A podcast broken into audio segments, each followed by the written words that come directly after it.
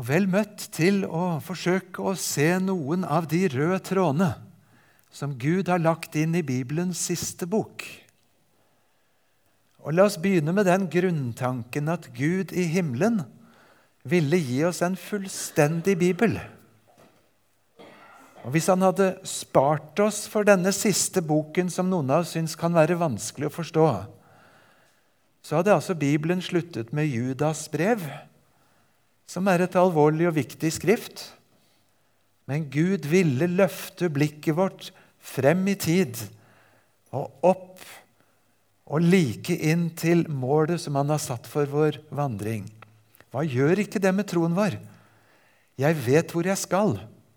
Bakenfor død, bakenfor dom, så vet jeg hvor Gud vil ta deg og meg med.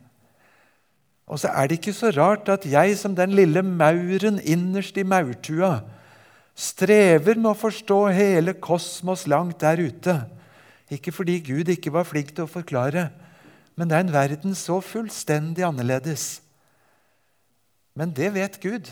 Og så brukte han bilder som vi i hvert fall et godt stykke på vei kan forstå noe med. Og så skal vi forsøke å gå på noen temaer og noen tekster. Og På en måte høres det jo mye ut å skulle ha fem-seks møter bare på tre dager fra Johannes' åpenbaring. Og Likevel så blir vel det noe sånt som 40 sekunder per fem vers. eller noe sånt noe. Og det er sjumilssteg. Så det er ikke riktig alt vi får tid til å stanse for. Og Min tanke var ikke å skulle gå dypest inn i de spørsmåla som kristne er mest uenige om fra åpenbaringen. Jeg håper jeg skal få si litt om det også.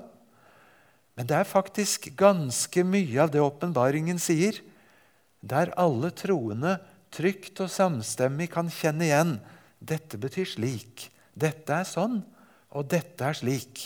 Og ingen skal være i tvil om den røde tråden den er blodrød.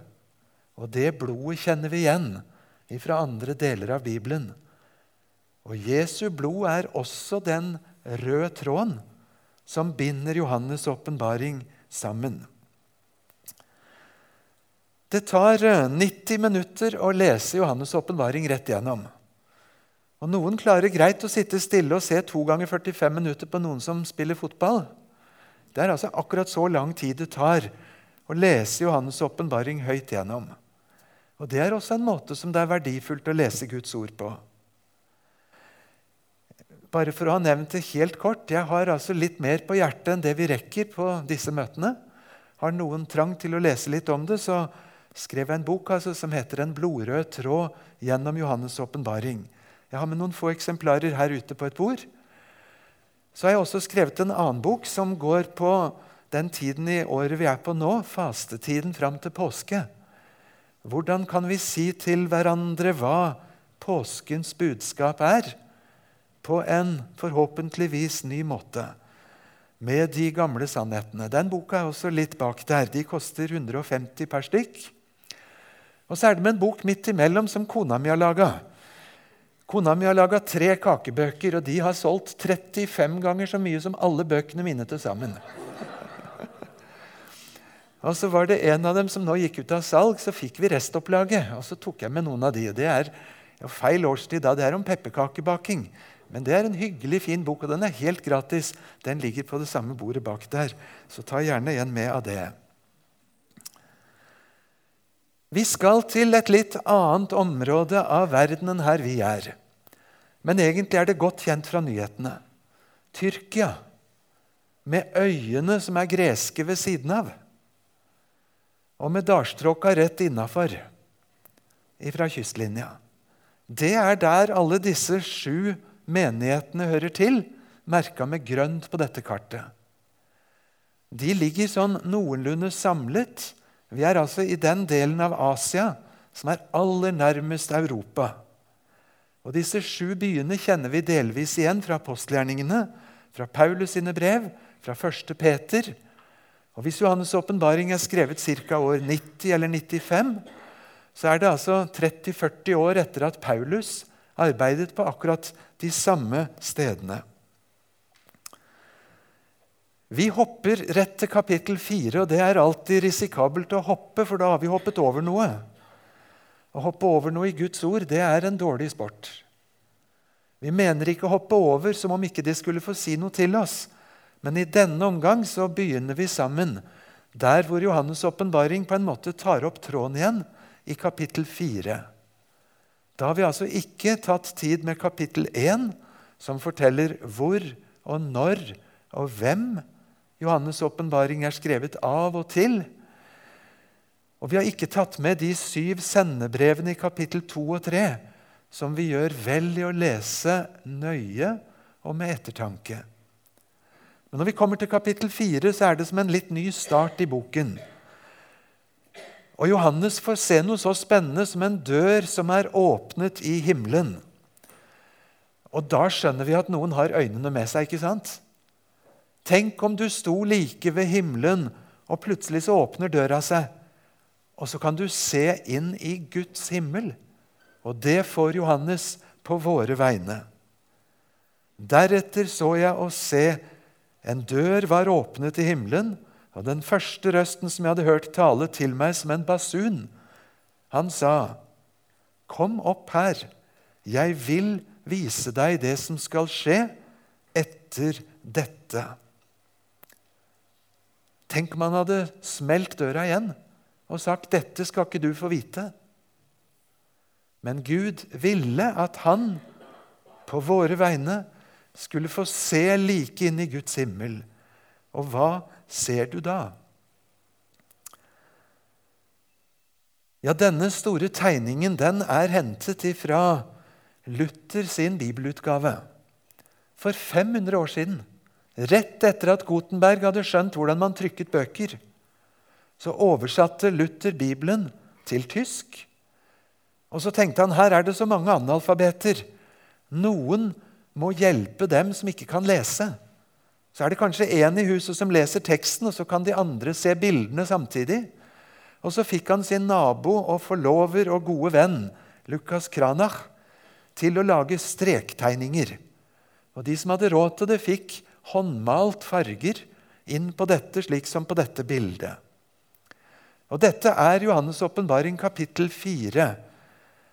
I sentrum er det Gud på sin trone. Han sitter med en bok som er forseglet med sju seil. Og ved siden av ham er Jesus i skikkelsen av lammet. Rundt tronen ser vi en regnbue som minner om Guds trofasthet helt tilbake fra Noah. Og så ser vi sju røde ildsøyler, som er et uttrykk for Den hellige ånd, som er de sju Guds ånder. Og så ser vi fire livsvesener. Det er veldig vanskelig å oversette til norsk. Det står rett og slett 'det derre liv' i fire stykk. Og Det ene lignet et menneske, det andre lignet en løve, det tredje lignet en ørn, og det fjerde lignet en okse. Ord og uttrykk fra Esekiels bok. I en krets rundt omkring så er det 24 eldste som kneler. En eldste det betyr egentlig en storebror. Og Her står de foran Gud og lovpriser Han, og med hver sin harpe de har hver sin lille krone på hodet, og så holder de fram en skål med røkelse, tilbedelse til Gud. Og så er det et blått hav, liksom av krystall, foran Gud på hans trone. Og han i forkant som kneler, det skal være Johannes, som da får se dette overveldende synet. Skal vi se litt nøyere på hvert av de trekkene. Det første han får se, det er altså en trone som er reist i himmelen. Og det satt en på tronen. Hører du den majestetiske måten å si det på? Og jeg ser en trone var satt i himmelen, og det satt en på tronen. Han som satt der, var å se til som jaspissten, som sardersten. Og rundt tronen var det en regnbue som en smaragd å se til. Kanskje hører noen et ekko fra profeten Jesaja da han fikk et lignende syn av Gud inne da han var i tempelet.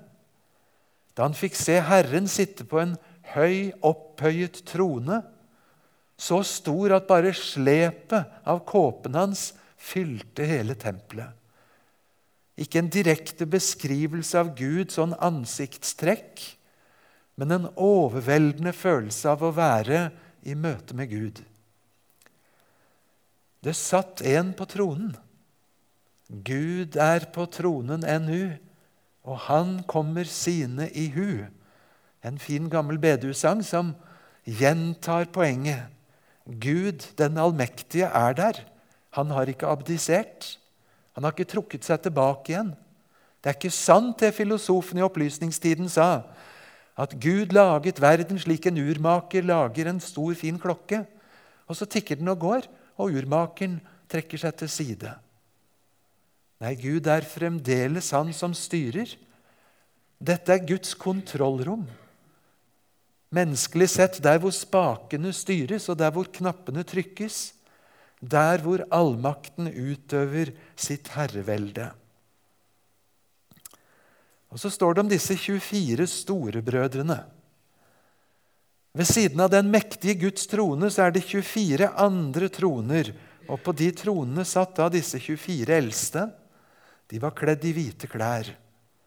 Og så hadde de kroner av gull på sine hoder. 24 eldste, hva kan det være uttrykk for? Det blir ikke forklart. Blant mange gode gjetninger så er den vanligste å tro at 24 det betyr 12 pluss 12. For i den gamle pakt så hadde Gud valgt seg ut Abraham, Isak, Jakob, som fikk tolv sønner. Hele Israel var etterkommer av disse tolv stammene. I den nye pakt så viderefører Gud det og velger tolv apostler.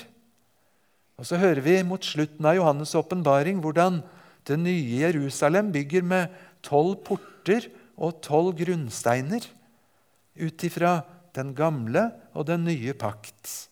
Kanskje mener bibelteksten å fortelle oss i Guds himmel så omgis han av sitt folk, både fra den gamle og den nye pakt.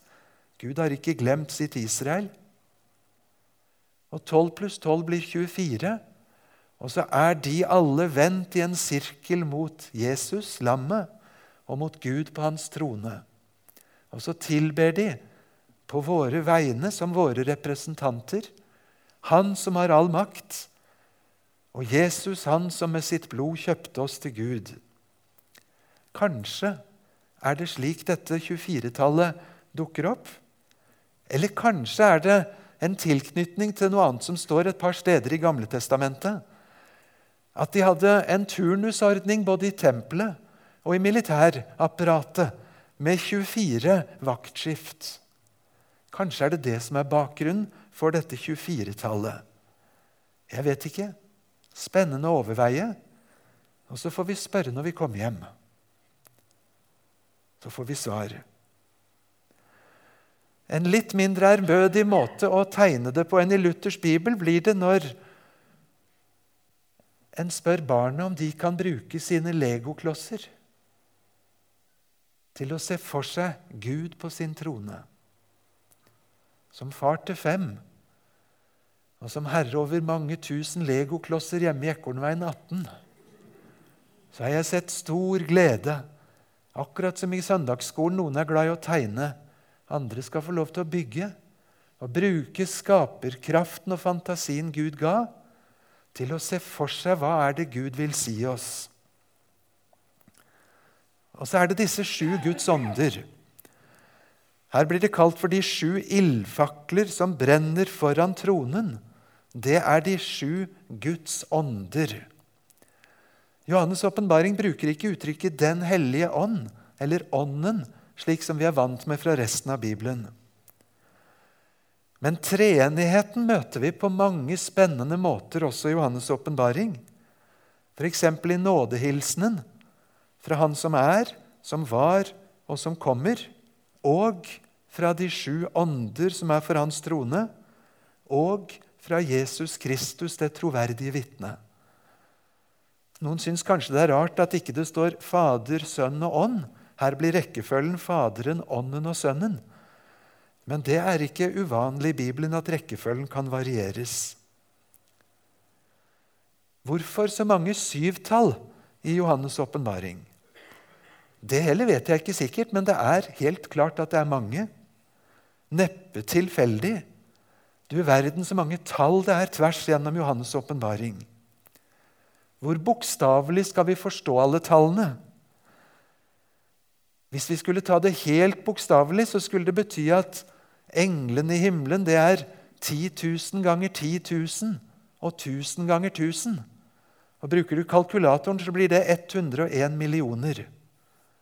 Men tror du bibelteksten mener å si at det finnes 101 millioner engler, og ikke flere og ikke færre?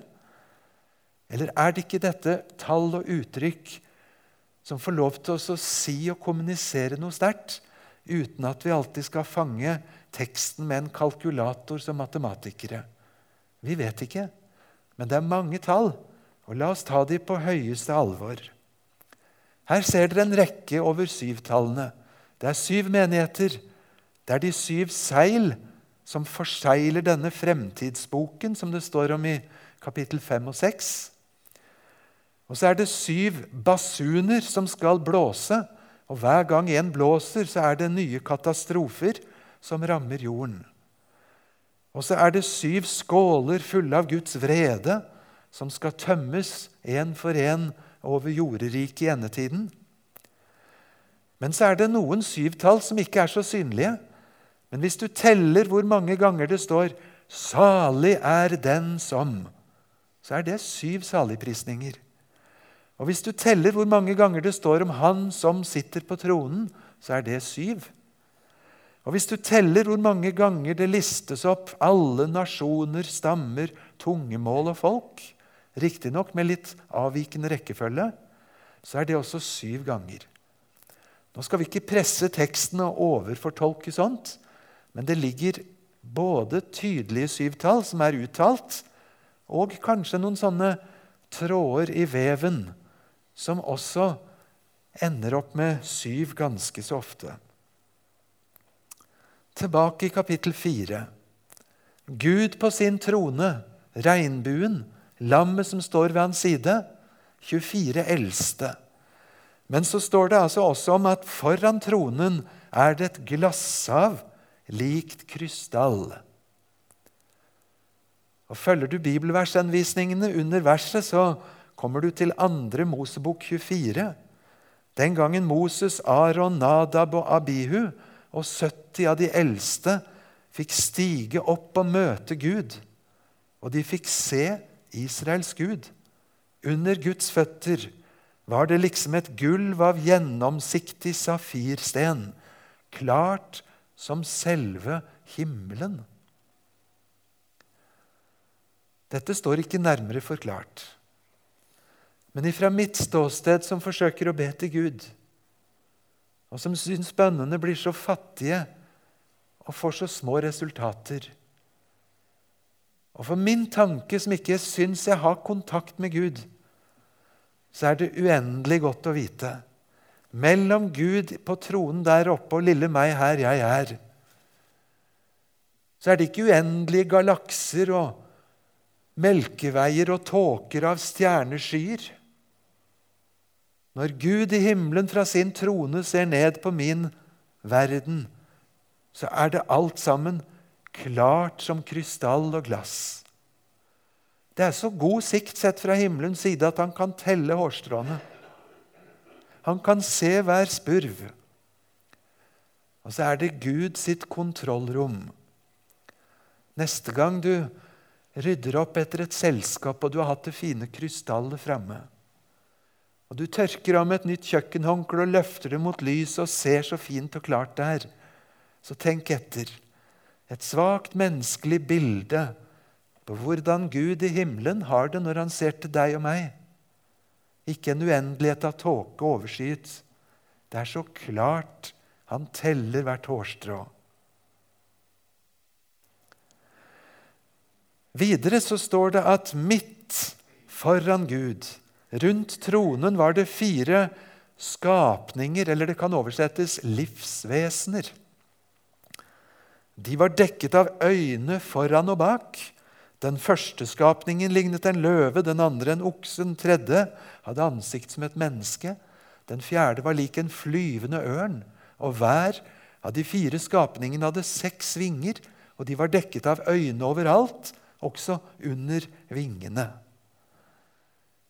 Hvis vi skrur tiden tilbake til vi var barn, og søndagsskolelæreren fortalte, og vi skulle sitte og tegne det vi hørte Hvordan hadde tegningen din sett ut nå? Kan du tegne disse fire livsvesenene? Om jeg leste det en eller ti ganger til. Det sprenger enhver forestillingsverden. Men vi aner at Gud omgis av noen med øyne under, over, foran og bak, som ser, observerer, er oppdatert. Gud ifra sin trone, han vet, han ser, han hører. For han er ikke avstand og tid et problem. Hans nærvær er så overveldende. Og så er jeg blitt så glad i at det heter liv. Liv, vesener. Det som bare er liksom essensen av noe levende. Ikke et museum med døde steinfigurer til minne om en gripende anledning. Men det er liv, liv, liv som omgir Gud. Han som er på tronen. Skal vi forstå disse fire livsvesener, så gjør vi vel i å lese Esekiel. Det gjelder mye av Johannes' åpenbaring. Hos Esekiel er disse fire livsvesenene forklart mye mer utførlig. Og Likevel så blir vi også ganske så i tvil hva betyr nå alt dette. Og Gjennom kirkehistorien så har disse fire symbolene blitt overført på Matteus, Markus, Lukas og Johannes. Men det er en litt annen historie, som først kommer etter bibelteksten. Men så var det lovsangen i himmelen. For spør vi hva som skjer i himmelen, så er første svar de priser Gud. De lovsynger Gud. Fra kapittel 4, disse fire livsvesener, hver enkelt av dem. Natt og dag sier de uten opphold, Hellig, hellig, hellig er Herren Gud, den allmektige, Han som var, og som er, og som kommer. Og Når den ene gruppen har lovprist Gud, så kommer det som et ekko fra noen andre. Verdig er du, vår Herre og Gud, til å få lovprisningen og æren og makten. For du har skapt alle ting, og på grunn av din vilje ble de til, og de er skapt. Her får vi et glimt av lovsang som knytter seg til skaperverket. Slik er det ofte i Salmenes bok. Sånn er det egentlig i våre sang- og salmebøker òg, hvis vi ser nøye etter. Selv om det nok er enda flere, både i Bibelen og i våre salmebøker, som knytter lovsangen til frelsen, til Kristus, til korset og til nåden. Disse lovsangstekstene i Johannes' åpenbaring 4 og 5 det er ganske sikkert de bibeltekstene som har slått sterkest inn i liturgi og salmesang, i bønn og tilbedelse, kloden over gjennom 2000 år. Mange mange salmer og melodier som bare er å sette ord og toner, av og til snu ordene så det rimer. Og så er det disse lovsangene. Nå skjer det noe mer. Johannes, som får lov til å se denne åpne døra, og som har fått se det vi nå møtte, han fikk, så, han fikk se at Gud på sin trone hadde en bokrull i hånden. Den var fullskrevet både på innside og utside. Det var uvanlig. Man skrev ikke både på innsiden og utsiden av bokrullen i antikken vanligvis, men her var det det. Johannes forstår at den boka er kjempespennende. Ofte så kalles det Fremtidsboken. Problemet er at ingen kan få se hva som er inni, for den er låst. Den er låst med sju seil. Og Et seil det var jo en slags sånn tyggegummi som ble brukt til å binde der hvor siste ark møtte det forrige, sånn at ikke bokrullen skulle sprette opp. Og mens enda den seilet var mykt, så var det noen som signerte med sin signetring. Og Det betyr bare den som har den ringen, har lov til å åpne og se. Denne boka er sju ganger forseglet av Gud selv. Topp hemmelig. Og så kommer det et rop. Hvem er verdig til å åpne boken, til å bryte seilene på den? Og så sier Johannes ingen i himmelen eller på jorden eller under jorden kunne åpne boken eller å se i den. Da gråt jeg sårt. Er ikke det litt rart? Ville du begynne å gråte sånn ti minutter etter at du hadde kommet til himmelen og fikk lov til å se? Overveldet av skjønnhet og makt og alt han får. Så går det altså noen ganske få øyeblikk. Han får se denne fantastiske tilbedelsen. Men så står han plutselig og gråter i himmelen. For det ble ikke funnet noen i himmelen eller på jorden eller under jorden som var verdig til å åpne boken. Og hva med alle hemmelighetene som står der? Men en av de eldste sier til meg, gråt ikke.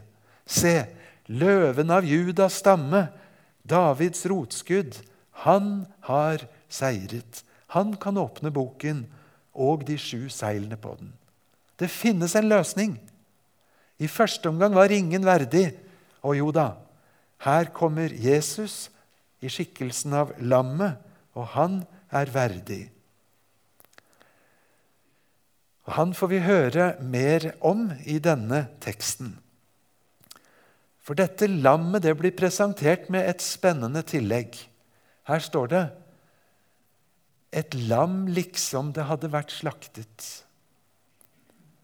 Og Vi forstår dette er jo Jesus. Se der Guds lam som bærer bort verdens synd påskelammet som ble slaktet, blodet som skulle strykes på dørkarmene, blodet av dette lammet som ble fristedet for den førstefødte, for alle de som var skjermet når Gud skulle holde dom. Lammets blod, han som ble slaktet, han er verdig. Og så er jeg blitt så glad i den merkelige tegningen som dere ser på veggen, hvor lammet ifra Jesus flyter utover, men ikke i et tilfeldig mønster av vold. Men det er jo verdenskartet. Om noen synder, så har vi en talsmann, Jesus Kristus den rettferdige. Og han er en soning for våre synder. Ikke bare for våre, men også for hele verdens. Og så blødde Jesus for at hele verden skulle fanges inn i den dørkarmen der det er trygt å høre Gud til når Gud skal holde dom. Og så er det en annen trist historie av 2000 år etterpå. Så går halvparten kanskje av menneskene på jorden rundt og aner ikke at det finnes en port som enda er åpen. Og på innsiden så er de trygge den dag Gud kaller dem til dom. Så ligger det et enormt misjonskall til oss. Vi blir påminnet Jesus er han som er lammet liksom slaktet. Her kunne vi bruke mye tid på alle trådene bakover i Gamle testamentet. Bare ganske kort. Det at Jesus først blir kalt løven av Judas stamme, det finner du tilbake når Jakob blir en gammel mann og skal dø. Og så velsigner han hver av disse tolv sønnene, og Juda var en av dem. Og Han kaller Juda for en ung løve. Og så er Jesus født av Davids ett, av Judas stamme. Og så er han løven av Judas stamme, som Jakob talte profetisk om i det nest siste kapittelet i Første Mosebok. Om kongespir, om herskerstav, om fredsfyrsten som kommer, som er Jesus. Og så klarer Johannes' åpenbaring å hente opp en lang, stor tråd tilbake av Jakobs velsignelse og Messias' profeti, bare med det lille uttrykket 'løven av Judas stamme'. Og Så kalles han Davids rotskudd, og det finner vi igjen hos Jesaja. På Jesajas tid så var det ikke mye å skryte av med Davids ætten. Og David sier la oss sammenligne med et stort tre. Davidsetten med dette mektige treet. Men treet har falt, og stubben er råtnet. Men se godt på den stubben som heter Davids hus, så skal du se at ut av den råtne stokken som står igjen, så kommer det et rotskudd. Jesus som stiger opp, profetisk, ut av det gamle. Jesus ble ikke født hvor som helst, når som helst men av Davids ett, av Judas stamme, av Israels folk. Og så ligger det alt varslet på forhånd. Og i himmelen så husker de denne bibelhistorien. Og så omtaler de Jesus som løven av Judas stamme. Han er Davids rotskudd. Og så er han samtidig en, et lam liksom slaktet. Og Det er en ganske mektig historie, dette her. Når Johannes spør hvem skal få lov til å se inn i denne fremtidsboken, jo, det skal løven av Judas stamme, Davids rotskudd. Og så hører du trommevirvelen begynner. Og idet sceneteppet skal gå bort, så kommer det ingen løve, men et lam, liksom slaktet. Er det ikke nesten et bilde på Det gamle og Nytestamentet? På Jesu tid var det mange som ventet på trommevirvelen fra himmelen. Når kommer han, denne Davidskongen som skal kaste romerne på sjøen? Han som skal befri oss. Du skal gi ham navnet Jesus, for han skal frelse sitt folk fra romerne. Står det det? Var det ikke romerne som var problemet? Som okkuperte dem? Du skal gi ham navnet Jesus, for han skal frelse sitt folk fra deres synder. Et enda større problem. Et enda dypere problem. Og så er ikke Gud uinteressert i hvordan det går i storpolitikken, og slett ikke rundt sitt folk Israel. Men så er lammet slaktet. Han er løven av Judas stamme. Og så seirer han ikke med ytre prakt og makt, men han seirer ved selv å beseires. Å stå der som en taper som de kan gjøre med som de vil, og som de sleper til et kors, som de spotter og erter, og som dør og legges i en grav. Men så er ikke det hele historien. Og så står lammet liksom slaktet opp igjen, og så lever han.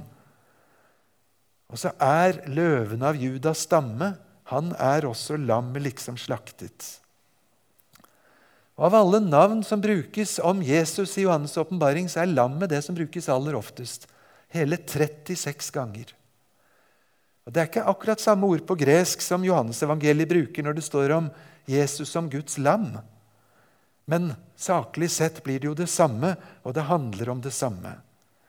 Hadde vi tid, så kunne vi se hvordan dette lammet beskrives. Med sju horn og sju øyne. Men han er også en figur som har vært der alltid helt tilbake til en tid da livets bok ble skrevet. Og så er han ikke spak som et lam, bare. Men når det snører seg inn mot endetiden, så skal jordens konger være livredd for lammets vrede. Har dere sett en tøff bonde som løper og gjemmer seg for det nyfødte lammet, er så fryktelig sint? Han blir så redd for lammet.